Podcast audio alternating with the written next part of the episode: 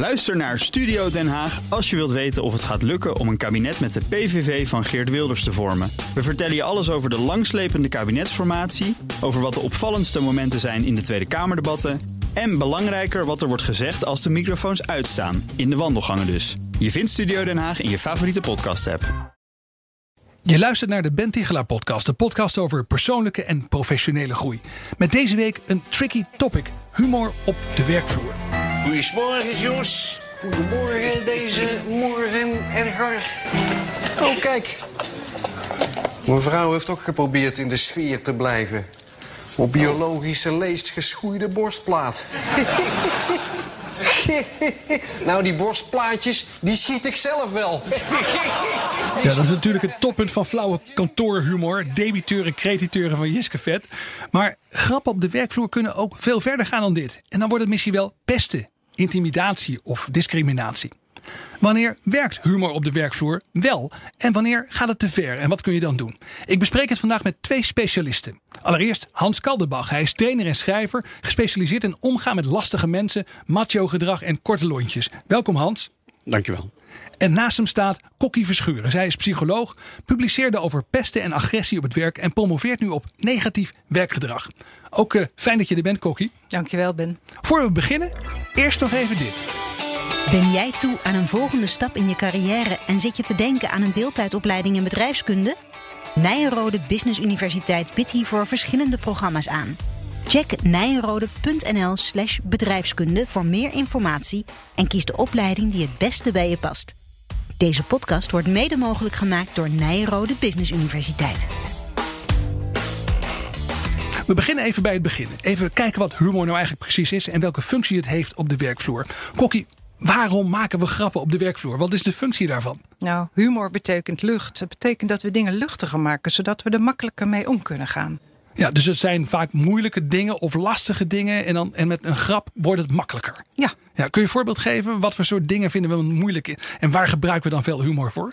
Nou, iemand die bijvoorbeeld iets doet waarvan hij denkt: jeetje, wat stom. En die dan heel hard om zichzelf zit te lachen. Oh ja. Dat is best moeilijk. Als je er niet om lacht, dan kan het iets worden waarvan je heel erg jezelf de schuld blijft geven. Of Ja. waarvan je omgeving zegt: joh, blijf er nou niet zo over bezig. Dus het heeft ook echt een psychologische functie. Het maakt het makkelijker om bijvoorbeeld met falen om te gaan. Zeker. Zeg Hans, wat is jouw definitie van humor op de werkvloer? En waarom is het belangrijk? Nou, ik heb geen definitie, maar ik weet wel dat humor ontzettend bindt. Oké.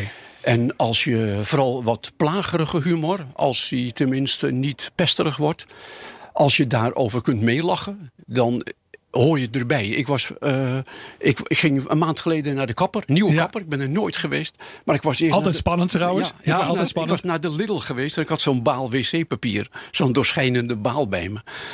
En het voelt toch een beetje ongemakkelijk, maar ik kwam binnen, ik deed mijn jas uit, ik zette die baal neer.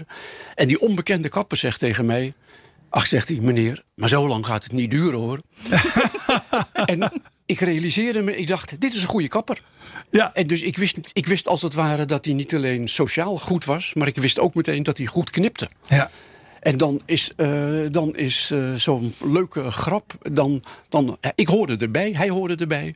En ik voelde me blijkbaar veilig genoeg om dit te kunnen aanhoren. Dat is wel belangrijk. Ja, maar heel erg leuk. Dus hele verschillende functies heeft het dus. Aan de ene kant kan je moeilijke dingen er makkelijker mee maken. Maar het helpt dus ook het sociale contact eh, om dat goed eh, te smeden, zal ik maar Ja, zeggen. het is, ja. een, het is een, ja, een bindmiddel. Ehm, nou ja, humor op de werkvloer. Laten we eerst maar eens even naar de positieve kanten kijken van de humor op de werkvloer. Ik vraag het even aan Kokkie. Hebben grappige mensen een voorsprong op de werkvloer? Ja, Helpt het? zeker. Dat, Helpt ze dat? zijn gezelliger. En precies wat Hans zegt. Ze worden ook gewaardeerd omdat ze een bepaalde bindende sfeer leggen. Ja, precies. Hans, heb jij daar ervaring mee? Geeft humor jou een voorsprong op de werkvloer? Eh, als ik het nou mensen met humor, laat ik het even algemeen houden. Absoluut. Wat, precies wat Kokkie zegt. Het is leuk om met een, met een collega die grappen maakt, om daarmee samen op de kamer Ja. te zitten. Dat is ontzettend leuk. Ja, ja, je hebt je ook verdiept in cultuurverschillen. Je hebt ook geschreven over bijvoorbeeld hoe Nederlanders met humor omgaan. En hoe zeg maar, mensen met een andere culturele achtergrond met humor omgaan. En dat, dat klikt niet altijd even goed, heb ik begrepen. En en er- zit een cultureel punt in, maar ook of je je veilig voelt. Ik heb bij de politie gewerkt. De politie is echt een cultuur met een hele scherpe, harde humor. En daar eh, weet ik nog de woede van een Surinaamse politieman. Die zei. Dus die man is volledig in functie en zo. Ja. Functioneert uitstekend. Hij komt in een cursus bij mij en hij zegt: Een ander had. Het sneeuwde de dag daarvoor. En toen zei een collega, Henry, zegt hij, dit is nou sneeuw. Ja. En daar voelde hij zich ongelooflijk uh, door buitengesloten, vernederd, in de zeik gezet. En dat kan ik me goed voorstellen. Ja, Dit tegelijkertijd dacht, dacht die Nederlander, ja. uh, uh, die Hollander die die grap maakte van, ben ik even leuk? Ja, en bij iemand die zich volledig veilig voelt, had het ook gekund. Ja. Maar wat typisch, waarschijnlijk typisch Nederlands is, wij maken dit soort plagerige grappen meteen in het begin van contact. Ja. Dus je kent elkaar nog niet, zoals bij die kapper. En meteen in het begin tasten we af, hoor je erbij, hoor je er niet bij. En de hele wereld heeft plagerige humor, dat, dat, daar twijfel ik niet over. Maar wij doen het als contactlegger. Ja, oké, maar dat herken ik wel een beetje. En dan kan je ook flink de fout mee ingaan. Ja. Als je de eerste keer een Fransman of de eerste keer een Duitser ontmoet. Je maakt meteen grappen in de Absoluut. eerste ontmoeting. Ja. Kijken ze je altijd een beetje vreemd aan. Ja, dat klopt niet. Er moet, denk ik, bij veel samenlevingen moet er meer band zijn voor je die grappig kan gaan maken. Oké, maar waarom zijn Nederlanders dan zo snel met humor? Waarom zijn wij dan zo anders daarin? Heb je daar een Ja, idee van? We we zijn niet misschien helemaal zo erg anders, maar hierin. En misschien dat dit een heel veilig land is. Oké, We we zijn zo veilig van de, van de wieg tot het graf bijna. En dat is in veel samenlevingen niet zo. Daar moet je alert zijn. Daar moet je in de stand staan dat je elk moment kan terugslaan. ja. En, dat En we zijn nog niet zo van de hiërarchie. Misschien dat dat ook nog een rol speelt. Hè? Je- Iedereen mag grappen tegen elkaar. De medewerker tegen de baas en Ja. vice versa. Ja, dat maakt het ook veilig. Ja. Maar vergis je niet hoor, ook in Nederland, als het erop aankomt, kan de baas meer doen dan de we- gewone werknemers kunnen. Ja, nog even over dit thema doorgaan. Hè. Eh, Als je nou in een team werkt met mensen met verschillende culturele achtergronden. Hè, dus eh, mensen die zeg maar vanuit hele andere streken hier in Nederland eh, bij jou komen werken als collega. eh, expats bijvoorbeeld. eh, is het dan echt iets om op te letten? Ja, en ik zou zeggen, maak niet meteen in het begin al dit soort grappen. Een Noors meisje op een studentenhuis in Utrecht. Die zegt op zondagmiddag tegen de mannelijke studenten: Ze zegt: ik, ik ben moe, ik ga even slapen, ik ga even een beauty sleep doen. En al die mannen tegelijkertijd: Ja, dat moet jij maar doen. Ja, En dat is natuurlijk voor die mannen daar een vreselijke leuke grap. ja, ja. En dat Noorse meisje was dagenlang van slag. Die, die vond het echt een zware belediging dat ze dit tegen haar zeiden. ja, ja, precies. Ja, want dat zou een Noorse man of een Noorse groep mannen niet zo snel doen. En, en niet zo snel vooral. Ja. Zeg, ik ga eventjes weer terug eh, naar Kokkie. Er is natuurlijk een lastige grens vaak tussen wat nog leuk is en wat mensen dus niet meer leuk vinden.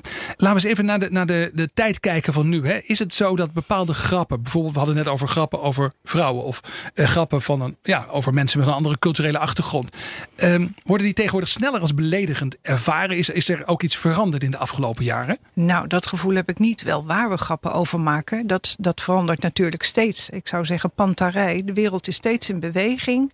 En eh, om bij cultuur te blijven, eh, we hebben natuurlijk normen en waarden. En als de wereld verandert, als er bijvoorbeeld meer vrouwen op het werk komen, meer migranten, meer oudere mensen doorwerken, eh, noem maar op. Ja. Dan is het in het begin, is het, eh, oh jee, dan gaan mensen er grappen over maken. Totdat het ineens pijnlijk wordt. Dat ze denken, ja, het zijn er zoveel. En mensen gaan dus ook aangeven dat het eh, helemaal niet gewaardeerd wordt. Dat durven ze dan ook, als het een groter aantal wordt. En dan zie je dus dat, dat die waarden en normen zich gaan aanpassen. Dus het pijnlijke moment is eigenlijk het kantelpunt. Hè? Dus dat je denkt van, hé, hey, als het één persoon is, dan maak je misschien nog geen grappen. Wordt het er meer, dan hebben mensen zoiets van, oh, dat is wel een aparte groep met bepaalde kenmerken. Dan gaan ze daar grappen over maken. En dan gaat die andere kant aangeven dat hij dat niet waardeert. Als Ja. hij dat al durft, hè, want het heeft ook met macht te maken. Nou, dan eh, eh, zie je dat er dus een verschuiving komt. Kijk naar de hele Zwarte Pieten discussie. Wij zijn Ja. daar toch in het begin met heel veel weerstand ingegaan. En langzaam maar zeker beginnen we toch ook de werd argumenten... alleen in het begin alleen maar hardere en Ja. meer grappen gemaakt Ja. door veel mensen. En nu kantelt dat op een gegeven moment. Dat Ja, zie je op ja. werkplekken ook. Ja. Ja. Ja, ook een soort emancipatiebeweging. hè? Dat minderheidsgroepen eigenlijk zeggen: we, nou, we trekken hier een grens. Dat doen we gewoon niet Ja, meer. Dat willen we niet meer hebben. Ja. Ja, dus racisme wordt minder geaccepteerd dan 30 jaar geleden. Seksisme ook, gelukkig. Ja. Zeg, Kokkie, kan iedereen op de werkvloer grappen maken? Of heeft het ook te maken met je positie? Ik hoorde je net iets over macht zeggen. Hè? Dan kan me voorstellen dat bijvoorbeeld als je leidinggevende bent... dan de grap anders overkomt dan wanneer je ja, een gewone medewerker bent. Zeker. En niet alleen de formele macht, zoals van een leidinggevende, maar ook de status in een groep doet heel veel. Daar is veel onderzoek naar gedaan. Ja. En dat blijken inderdaad belangrijke elementen te zijn. Macht is in feite de, de formele positie of wat je ambieert. En status is wat anderen jou eh, toedichten. Oké, ja. En uh, ja, je moet je voorstellen dat als iemand een bepaalde status heeft, dan durft hij zich ook te permitteren om bepaalde dingen te zeggen. En dan uh, krijgt hij ook medestanders, meelachers. Ja, dus mensen met een hogere status ja. maken makkelijker een grap ten koste van andere mensen, bijvoorbeeld. Die permitteren zich meer. Ja, ja, en soms heeft het ook een functie, hè, dat je bepaalde kritiek in een, in een grapje verpakt met een mooie strik eromheen. Maar iedereen weet wel waar het over gaat. En dat kan heel pijnlijk zijn, maar uh, degene die de, de status of de macht heeft, die durft zich dat te permitteren. En aan de andere kant, het is ook een tweesnijdend zwaard, zoals ik dat dan uh, zou willen noemen. Is het ook zo dat de mensen die die status niet hebben, of de macht niet hebben, dat die steeds meer in die hoek worden gedrukt ook. Hè? Het gaat nooit om een eenmalige keer overigens. Uh, het gaat altijd om herhaling. En steeds weer datzelfde element erin.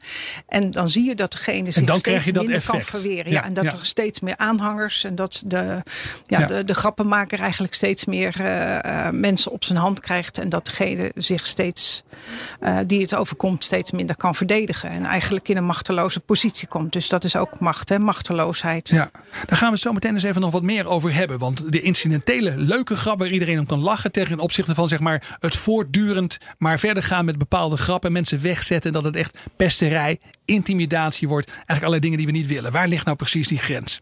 Je luistert naar de Ben Tichelaar podcast en in deze aflevering bespreken we het tricky topic van humor op de werkvloer. Ik praat erover met Kokkie Verschuren. Zij is psycholoog, publiceerde over pest en agressie op het werk. En ik spreek met Hans Kaldenbach, trainer en schrijver. Hij is gespecialiseerd in omgaan met lastige mensen. Kokkie en Hans, we hebben net vastgesteld dat humor op de werkvloer dat het een, een positieve functie dan ja, kan hebben. Hè, dat hebben we benoemd. Maar we hebben het ook al een klein beetje over de negatieve kanten gehad. En er is dus blijkbaar een soort grens die bewaakt moet worden. En de vraag is, waar ligt nou die grens? Hans, waar ligt die grens voor jou? Ja, die grens ligt bij de persoon die het ontvangt. Uh, dus dat is verschillend. Ik ken een afschuwelijk voorbeeld van een islamitische vrouw die marinier is geworden in de Verenigde Staten. En te midden van haar mannelijke mariniers deed zich heel vaak het volgende voor. Als ze weer bij haar club kwam, Ja. en dan heb je dus heb mensen die hebben jarenlang getraind om dit te bereiken. Als ze haar zagen, dan zeiden ze: Ah, daar hebben we onze terrorist weer. Ja, En dat heeft ze één of twee keer kunnen hebben. Het is heel erg afgelopen. Ze heeft zelfmoord gepleegd. Hm. Dus er is een grens, vooral in de herhaling. Ze heeft ongetwijfeld gevraagd om ermee te stoppen.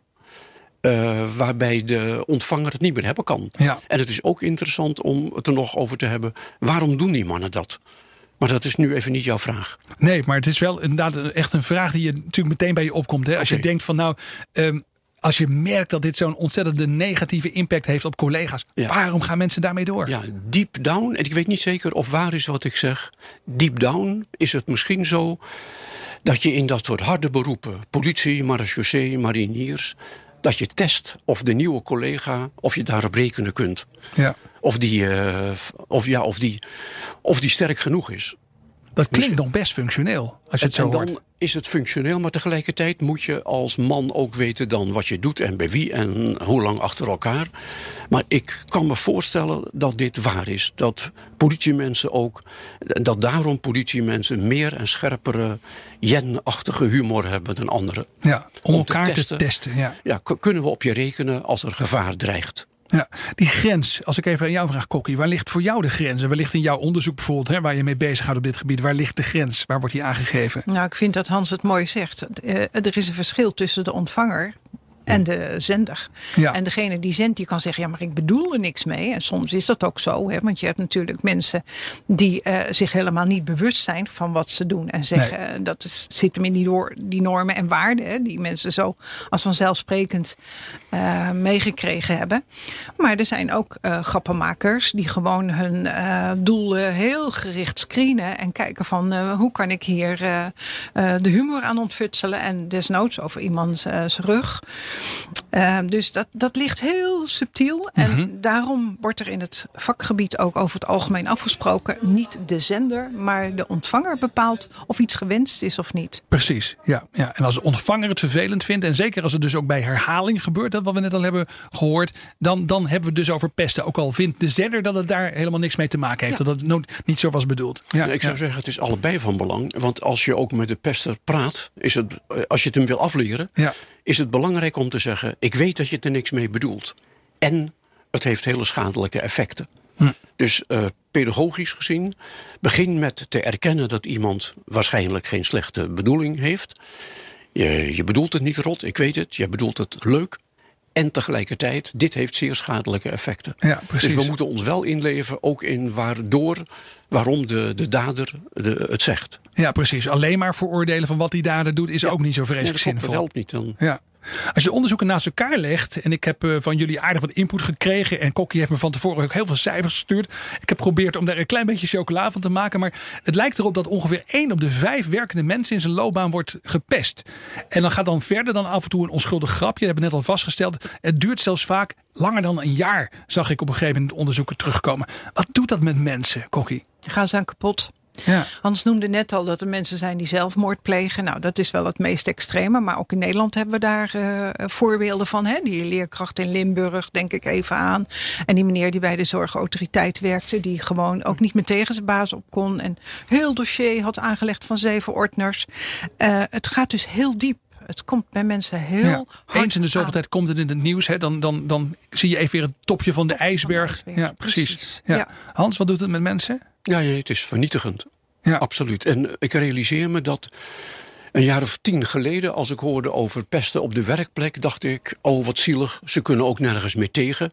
Terwijl ik denk dat dat nu veel serieuzer genomen wordt. Ja. Dus ook hierin zie je, we nemen pijngevoelens serieuzer dan eh, twintig jaar geleden. Ik las ook in onderzoek dat vrouwen vaker het slachtoffer zijn van pesten en mannen vaker de dader zijn. Wat moet ik me daar nou bij voorstellen? Hoe moet ik dat dan weer duiden? Ik kijk even naar jou, Kokkie. Ja, ja ik, ik, uh, ik weet dat dat inderdaad uh, uh, in onderzoek vaak wordt genoemd. Dat heeft ook weer met mannen- en vrouwenberoepen natuurlijk te maken. In welke sector zit je? Ja, dus dat zijn dus die incidentele vrouw die bijvoorbeeld in het leger werkte. Nou ja, dat zijn er tegenwoordig wel iets meer dan vroeger. Mm -hmm. Maar ze zijn nog steeds de uitzondering en in dat verhouding. heeft dus met die verandering te maken. Dat, Ja. dat die cultuuromslag, dat naarmate je er meer krijgt, dan neemt het af. En juist dat tussenstuk waarin er uh, steeds meer komen en mensen dus steeds meer verzet gaan tonen, Ja. daarin zie je dat het het ergst is. Voelen mannen zich dan bedreigd of zo als er meer vrouwen op de werkvloer komen? Is dat de reden? Hans, Nou, wat denk jij daarvan? Nou, het zou me niet verbazen. Dan moet ik ook even heel diep bij mezelf kijken hoor. In een mannenberoep dat er opeens vrouwen denken dat ze het ook kunnen. Ja, Ja. dat is een aanslag op je, op je, op je waardigheid. Ja. Als ik even in mijn buik voel, ik kan me dat goed voorstellen. Ja, een tijdje geleden had ik hier Leen Schaap te gast, voormalig brandweercommandant van de Amsterdamse brandweer. En eh, die probeerde ook op allerlei manieren meer vrouwen in het beroep te krijgen. Maar dat, die overkwam precies hetzelfde wat we hier nu bespreken. Ja. En ik, ik denk dan bij mezelf inderdaad, die, die brandweermannen vinden het gewoon doodeng dat er zoveel vrouwen bij bij komen. En dat ze dan denken dat ze hetzelfde beroep kunnen Ja, uitoefenen dan ja. zij. Hè, wat zij al zoveel jaren met elkaar als mannen onderling doen. Ja, precies. En dat Ja. soort kwetsbare gevoelens, eh, vooral harde mannen kunnen dat moeilijk toegeven aan zichzelf. Dus dat gaan ze ontkennen en wegstoppen. Maar ik denk dat het belangrijk is dat ze zich dat wel realiseren. Ja, en ik denk dat het niet alleen de mannen zijn, maar dat het vooral een sociale Mhm. norm is in die mannen. Hè? Want als je kijkt eh, dat er dus mannen zijn die eh, eh, dat ook prima vinden. Eh, maar Dus dat er in die groep ook allerlei mannen zijn Ja. die er als, het ware, als toeschouwer bijstaan. En dat als het ware gewoon ja, sanctioneren. Ja, of eh, ze voelen wel dat het fout is, maar ze denken ja, als ik hier tegen inga, dat is een heel ingewikkeld groepsproces. Mensen, dat noemen we dan een sociaal dilemma hebben ze. Ze voelen eigenlijk wel dat het fout is, maar ze lachen toch maar mee, want eh, Ja. ja. anders verlies je zelf je status. Of eh, ja, hoe gaan ze het allemaal niet tegen jou aankijken? Ja, dus je zegt het is jij dus de niet- volgende ja. die gepest wordt. Zo. Je zegt dus het is niet alleen maar dus een situatie tussen de dader, zou ik maar zeggen, en het slachtoffer. Maar dit is de groep eromheen speelt dus ook een belangrijke rol. Ja, zeker. Ja. En daar gaat ook een stuk van mijn onderzoek over. Eh, je ziet in het onderwijs dat dat, bijvoorbeeld het KIVA-programma, ik noem maar een voorbeeld wat in eh, eh, Wat voor programma is dat? Kun je er kort iets over ja, zeggen? dat, dat gaat, eigenlijk kun je zeggen, als je een dader en een slachtoffer hebt, Ja. dan heb je twee mensen. Nou, wat, wat Hans zegt, een van de nagevolgen is vaak dat als je daar gaat mediëren of proberen om eh, dat op te lossen, dat het heel vaak eindigt in het vertrek van het slachtoffer. Helaas, vaak met juridische procedures ook, of overplaatsing. Als ik die twee mensen dus bij elkaar zet, is het heel moeilijk vlot te trekken. Zet ik nou bij die twee een derde. Hè, dat is onderzoek van Heide, dat is alweer 30 jaar geleden. Maar die, die zag dat er dan eh, coalities ontstonden. Dus de dader met de derde. Dat wordt een negatieve balans, want dan heeft hij een meelacher. Ja, een soort meerderheid, precies, een meedlacher. Ja. Maar als het slachtoffer met de derde eh, eh, een coalitie heeft, dan krijg je dus dat de negativiteit minder wordt. Met Ja. andere woorden, de mensen eromheen hebben een enorme rol. ja. En dat, dat denk je vaak niet voldoende bij na. Er wordt volgens mij ook niet zo vreselijk veel onderzoek naar gedaan, of wel? Nee, nou, dat, dat zou ik wel eh, graag willen stimuleren. Want ik denk dat daar een oplossing zit. Juist omdat het zo moeilijk is om die dader en het slachtoffer in beweging te krijgen, zou de oplossing wel eens kunnen zitten bij al die mensen die in dat sociale dilemma zitten. En die met enige gesprekken bijvoorbeeld eh, wel eh het slachtoffer gaan steunen of de dader Ja. gaan aanspreken. En als je die dader aanspreekt, stel dat het er een paar in de groep zijn, dan verliest hij zijn status. Dat doet pijn, dat is Ja. niet leuk. Maar het En dan zou het wel dat- slachtoffer wel gewoon kunnen blijven. En dan kan de groep het probleem misschien gezamenlijk oplossen. Op is dat wat lange je bedoelt? termijn heeft Ja. dat veel groter succes zelfs. Dat is ook aangetoond. Ja. Ja.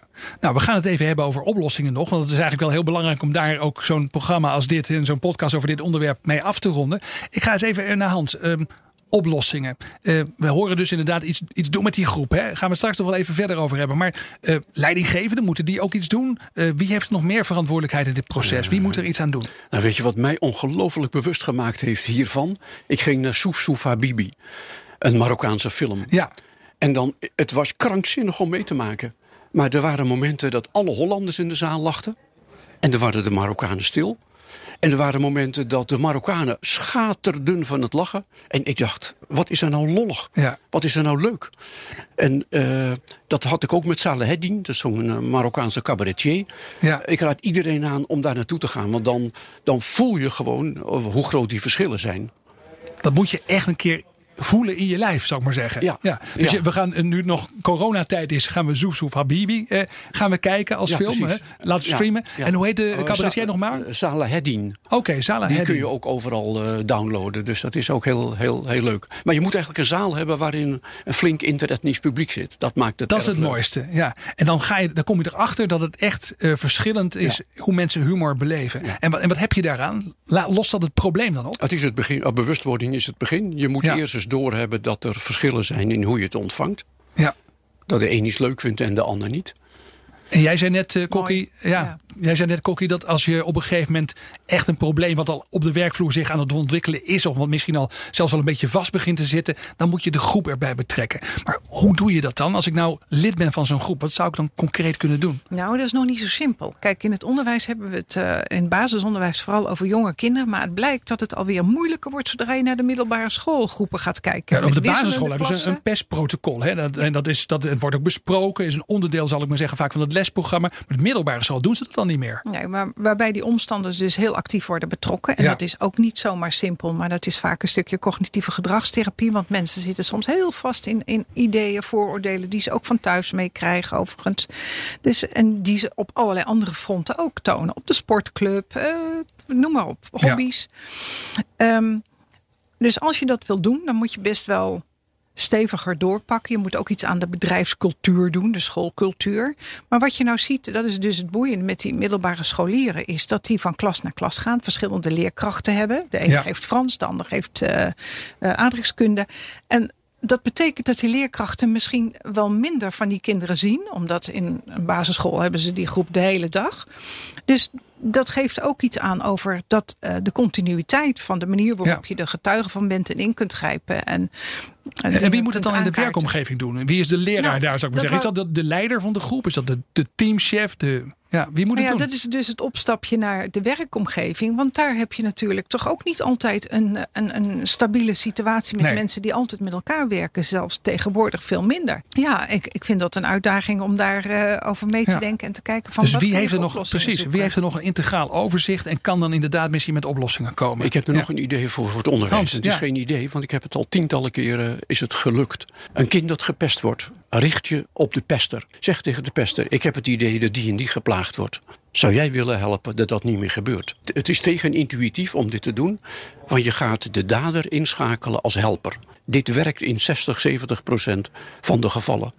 Dus de dader inschakelen als helper.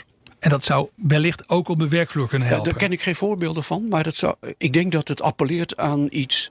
Je zegt eigenlijk tegen iemand: je kunt belangrijk zijn. Ja. Er zit een beter mens in je dan je tot nu toe eh, geweest bent. Mooi. Een hele mooie zin om gewoon goed te onthouden. Mooi. Nou, dan gaan we mee afronden vandaag. Ik wil jullie ontzettend hartelijk danken voor jullie aanwezigheid. Uh, Kokkie Verschuren, Hans Kaldenbach. Heel fijn dat jullie er konden zijn.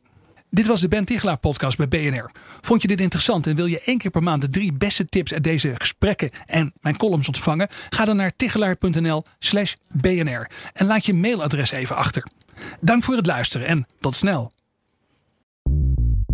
Bij BNR ben je altijd als eerste op de hoogte van het laatste nieuws. Luister dagelijks live via internet. Bas van Werven. En heel langzaam komt de zon op rond dit tijdstip. Je krijgt inzicht in de dag die komt op BNR, het Binnenhof in Nederland en de rest van de wereld. De Ochtendspits. Voor de beste start van je werkdag. Blijf scherp en mis niets.